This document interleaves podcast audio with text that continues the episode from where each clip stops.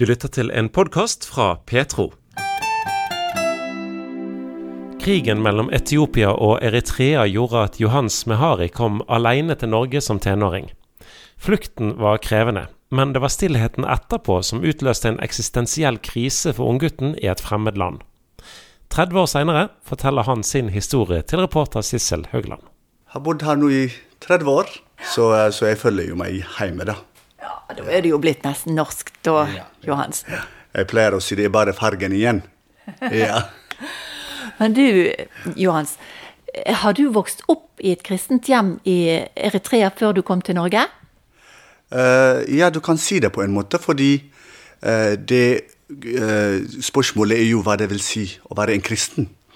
hvis det er en, som, en familie som tror på Gud, som tror på at Jesus er Guds sønn, født av jomfru Maria, og, eh, og at, at, eh, Guds rike og å gå på kirke. Så min fa familie tilhørte den koptiske eh, etiopisk-eretriske kirken. Som i old, old eh, har veldig store og fine tradisjoner. Eh, så, så, jeg har betraktet meg som en kristen. Eh, ja. hele tiden, helt til jeg kom til Norge. Mm -hmm. så det er vel det. Ja.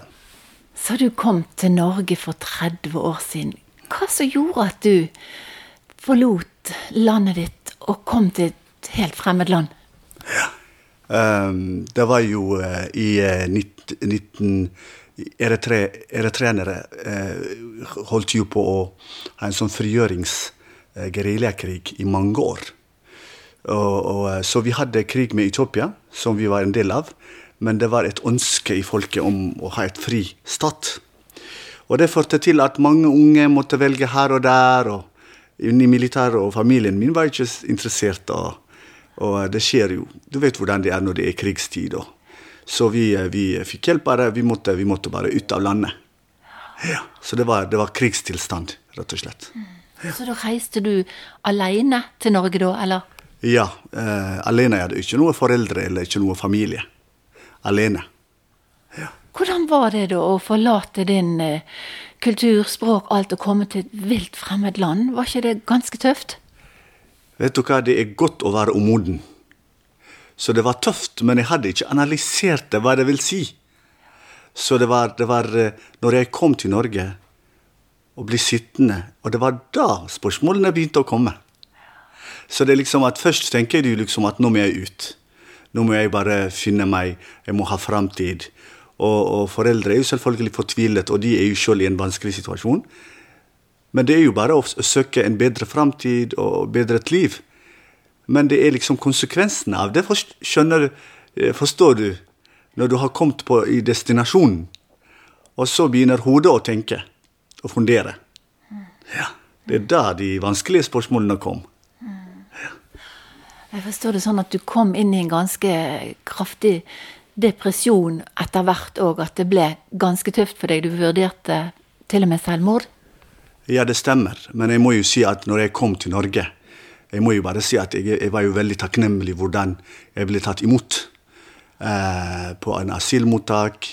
Eh, gikk på språkopplæringa. Eh, var tilrettelagt, liksom, at, sånn at jeg havnet i, i videregående skole, katedralskole i Bergen.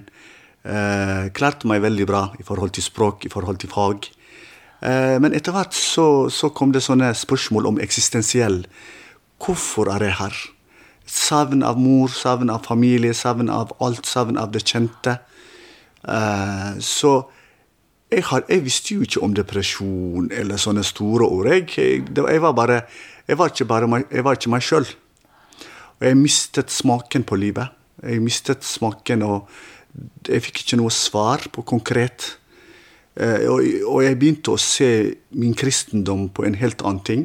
Eh, fordi jeg sa liksom at vi eritrenere og etiopianere stort sett var jo kristne, da. Så vi skulle egentlig være søsken. Hvorfor skulle vi krige? Så det kom sånne viktige, viktige spørsmål som jeg ikke hadde svar på. Og det ledet til eh, depresjon, og da rett og slett begynte jeg å si Uh, vet du hva, jeg satt faktisk skrev et brev til en, en som har skapt meg. Er du, er du, her? Er du der? Eller hvor er du? Så jeg, eh, jeg, var så frimodig at jeg sa jeg gir deg tre måneder for jeg eh, skal ende mitt liv. Uh, skrev et brev. og så uh, skjedde det, det største ting som, som har forandra mitt liv. Mitt liv. Det må, få, det må, vi få, høre. Men altså, du skrev rett og slett brev til Gud, eller til den ukjente til skaperen, hvis han fantes. Ja. ja. Jeg eh, rett og slett sa at jeg vet ikke hva jeg skal kalle deg, om du er Gud eller Allah eller hva som helst. Men jeg er jo veldig fascinert av naturen. Jeg elsker matematikk, jeg elsker fysikk. Så det å si at det er ikke noe en veldig, veldig flink ingeniør bak det, den, den kunne jeg ikke Jeg kunne ikke bli liksom en som ikke tror at det finnes ikke en skaper. Så jeg sa, jeg sa faktisk at du som har gitt meg ører, en utstyr som jeg kan høre til, du må jo ha evne til å høre. så, så, jeg skrev, eh, forklarte hvordan jeg har det. Og da skjedde det jo at uh, plutselig så var det Det skjedde en del ting som er litt vanskelig nå. Det er lenge siden. Dette her er jo i 91-92. Eh, men jeg har en, eh, en, eh, tante, en søster, som bor i Sverige. Jeg var på besøk der, som jeg vanligvis gjør. Og så var jeg i Göteborg, det er Göteborg i Sverige, dette, da. På en kafé. Så var det Jeg så at det var en kristent kafé. Det var et eller annet sånn. Og så gikk jeg inn, og jeg fikk en liten traktat av en, en svensk jente som Og når jeg leste det, det var på engelsk, heldigvis. Det sto om disse kjente, kjente kjendiser i USA og andre land. og filosofer som var deprimerte og tok sitt eget liv og kunne ikke finne meningen med livet. Men ikke, traktaten endte ikke med det. Det gikk inn til Salomos ordspråk og eh, visdoms fra liksom, at det eneste mening med livet, det er å søke Herren og bli kjent med Han. Så jeg ble jo helt sånn Oi, jeg er ikke aleine. Og når jeg kom tilbake til Bergen, så uh, var det jo ingen jeg, jeg, hadde sagt dette skal jeg ikke fortelle om at jeg har skrevet et brev eller noe. For at jeg vil ikke at mennesker skal manipulere det.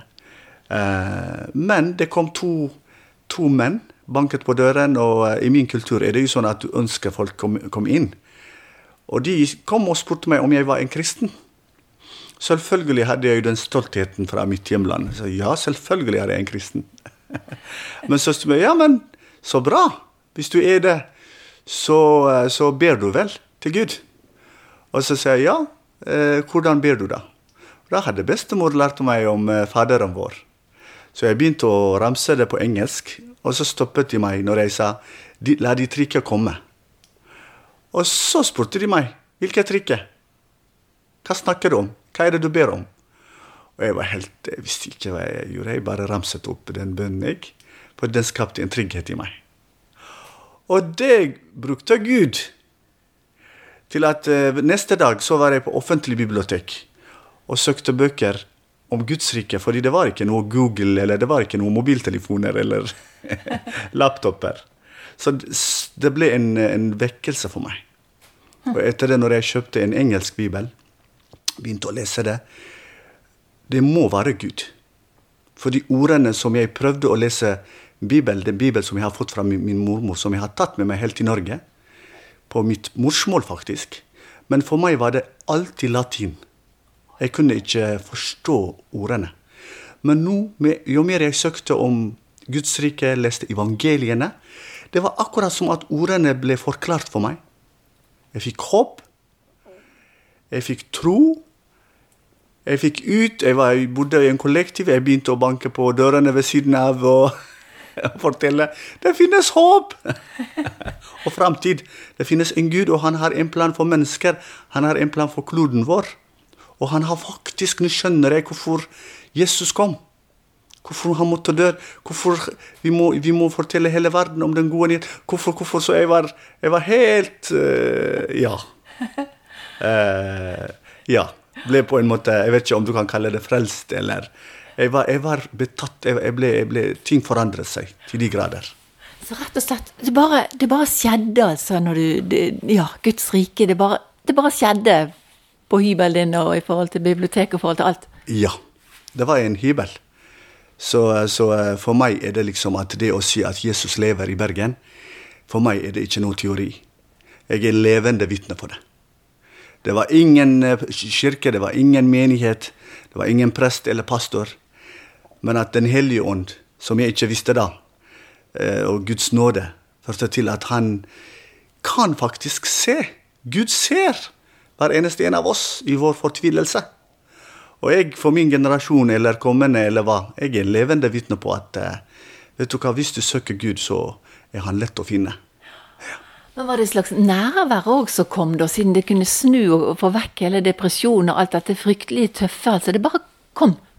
Vet du hva, noen opplever jo lys og et eller annet. Jeg opplevde ikke det. Det var bare ordet som ble levende for meg. Jeg begynte å skjønne det. Det var akkurat som sinnet mitt åpnet seg. Men det var ikke sånn mirakuløse ting som jeg kunne se eller høre lyd eller noe. Absolutt ikke.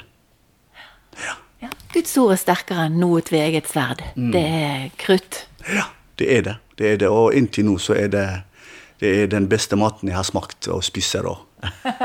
ja. og det er gått mange år nå, og ja. du bor i Norge, og du er med i menighetssammenheng. Du brenner for å fortelle om Jesus. Ja, ja det gjør jeg. Det gjør jeg. Og, og, og, jeg er jo veldig takknemlig at den, den uh, levende ord, den åpenbaringen, fortsatt Eh, når jeg leste sammen med andre søsken. Vi var jo eh, venner fra Etiopia og Eritrea som begynte å lese Bibelen hver fredag. Fordi vi var jo, fredag var jo en forferdelig kveld. Vi hadde ikke familie. Vi hadde bare hverandre. Så vi pleide å gå ut på nattklubber. Vi danset og, og, og hadde det gøy. Eh, men etter hvert så ble vi lei. Fordi mange av oss røykte ikke. Og den gangen i Norge så var det røyk overalt.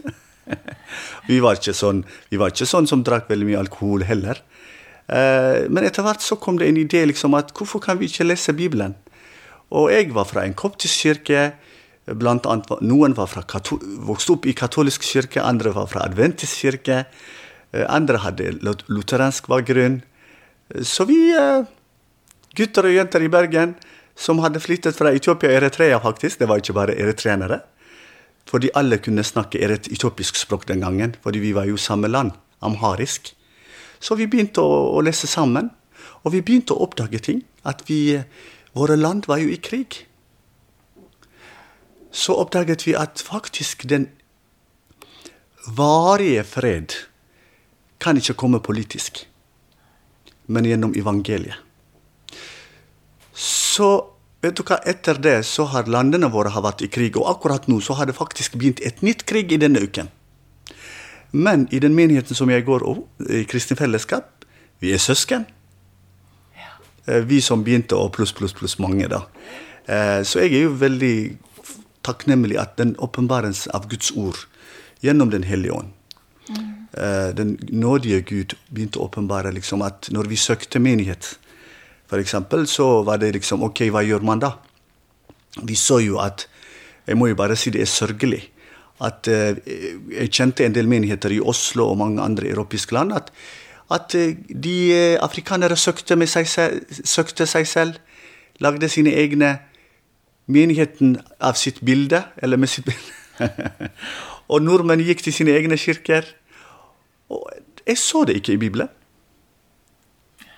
Men en dag så når, når, eh, jeg og noen andre åpnet biblene våre, så er det jo brev. F.eks. brev til Korint-menigheten. Og så sa vi oi! Korint er jo ikke en, en, en, et navn til en menighet, men det er jo en by. Og vi er bergensere, vi bor i Bergen. Og Jesus har jo arbeidet før vi kom til Norge. Så vi, vi kan ikke være for oss sjøl. Vi må være med våre søsken. Gud har gitt oss søsken. Og ved det så Kristin Fellesskap har vært en familie for oss. Ja. Men det som skjedde, Johans, eh, når du møtte Jesus så sterkt som, som eh, gjennom ord og, og, i det hele tatt, så oppdaget du at du kunne ha en personlig relasjon på en helt annen måte til Jesus og Gud? Nemlig. Det var akkurat det. Fordi jeg Det eneste jeg visste, det var jo religion. Gud var fjern for meg. Eh, men her var det en som kom inn nesten i min hybel. Hørte hva jeg sa, uten at jeg Jeg pleide å i hele min oppvekst Jeg gikk på kirken jeg, for å snakke med Gud. Så mens her er det helt annet. Og når jeg leste Bibelen, hvordan, hva Jesus sier, og etter hvert også begynte vi å skjønne når vi fikk undervisning og ble disippelgjort i kristent fellesskap, da skjønte vi jo liksom at Gud er så nær. Han er overalt. Og, eh, og så, så, det ble personlig relasjon eh, med Kristus, med Gud, gjennom Hans ord. Gjennom eh, personlig relasjon med Jesus, med hans legeme. Og personlig relasjon med Jesus gjennom sin ånd. Ja. Så det ble en helt annen form for tro du fikk etter du kom til Norge, da? Ja. Vet du hva, Jeg er så takknemlig at det finnes ett ord som kan forklare det i Bibelen å bli født igjen. Fordi jeg var helt annen person. Og eh, mange av vennene mine kunne bekrefte det. Mm. Fordi eh, du går helt fra en sånn depresjonstilstand til en som har funnet et budskap som eh, kan forvandle alt. Ja. Så depresjonen, den forsvant? Ja, det har ikke Jeg vet ikke hvor den gikk. så, eh, så, den forsvant Jeg eh, husker ikke datoen og timen, og, eh, men, men, den forsvant som bare det. Ja. Johans Gud har vært god mot deg. Han har gitt deg masse, selv om du måtte lide når du var helt ung og mm. hadde det tøft. Men han har gitt deg en utdannelse, du er blitt sykepleier på Haukeland sykehus, du har fått deg en flott kone og barn og alt. Ja, ja, ja da. Du, det er, det er, Jeg er så takknemlig at uh, Jeg vet ikke uh, Gud tar jo oss fra den ene kapittel til den andre kapittel, vet du. Så jeg vet ikke om jeg ville vært hovmodig eller stolt av min religion om jeg var i det I Eritrea fortsatt i det trygge uh, familielivet jeg var i. men vet du hva, det, jeg tror Gud brukte situasjonen. Jeg tok alle kriker, kriker, krikene fra mitt liv. Eh, hvor at, eh, hvor at eh, men, men, jeg må bare si at når du, blir, når du, har ekte relasjon med Gud, så går du gjennom glede og sorg. Så det er ikke bare halleluja. Men gjennom det så opplever du at det er et reell Gud. Han er ikke en julenisse. Er det spesielle bibelvers Johan, som har betydd mye for deg, eller betyr mye? Ja. Eh, det at Gud ser, betyr veldig mye for meg. Så når jeg leste i eh, Gamle testamentet, i eh, kronikkelboken, om at Gud har øyne, og de farer omkring for å, for å finne de som er helhjertet, ikke bare for å finne de, men for å gi dem styrke. Det ordet der de har vært skrevet på mine notatbøker, Første side. Sånn at jeg ikke skal glemme det. Sånn at, sånn at når du opplever ting hvor du opplever urettferdig, eller, eller eh, at du, liksom, du opplever liksom at Oi, her er det ikke egentlig litt sånn. Det er ikke sånn det skal være. Men det å vite at Gud har kontroll. Gud ser. Det er ikke jeg som skal ha kontroll. Jeg må bare gi det videre til Gud. Og i sin tid, i Guds tid, så skal han jobbe for rettferd. Og så det, det ordet har betydd veldig mye for meg. Ja. Så du er glad at du tross alt måtte forlate familien og reise til Norge. Selv om det var tøft, så allikevel så har det kommet masse godt ut av det. Ja. Jeg er aldri, jeg er aldri glad for å forlate familie. Eh, jeg skulle ønske jeg var med min mor. Eh, hun er oppe i alderen nå. Eh, og, og med søstrene mine vokste opp bare ved telefonkontakt. Men når du ser hva Gud har ført til det onde som skjer i verden, krig og elendighet, at Gud kan gjøre det til det, til det beste. Det er det jeg, jeg uh, er veldig glad for. At Gud vender om det vanskelige uh, til, til, noe som, som, gir innsikt. Til noe som gir, uh, har evighet i seg. Mm. Ja. For det må jo ha vært tøft for foreldrene dine òg, når du måtte reise? Eller ja, reiste? Ja. Jeg er eldstemann i familien, vet du. Så det var ikke, det var ikke bare bare for dem. Det var vanskelig. Ja. Men de var, de var, også glad at, at de, kunne, de, kunne, sende oss ut, og at vi er i en trygg land.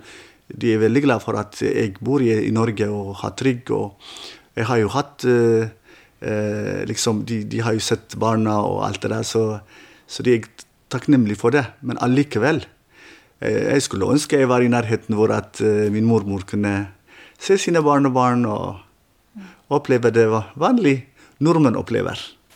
Så de kan ikke få komme til Norge, det er vanskelig? Uh, nei, hun har faktisk vært på besøk.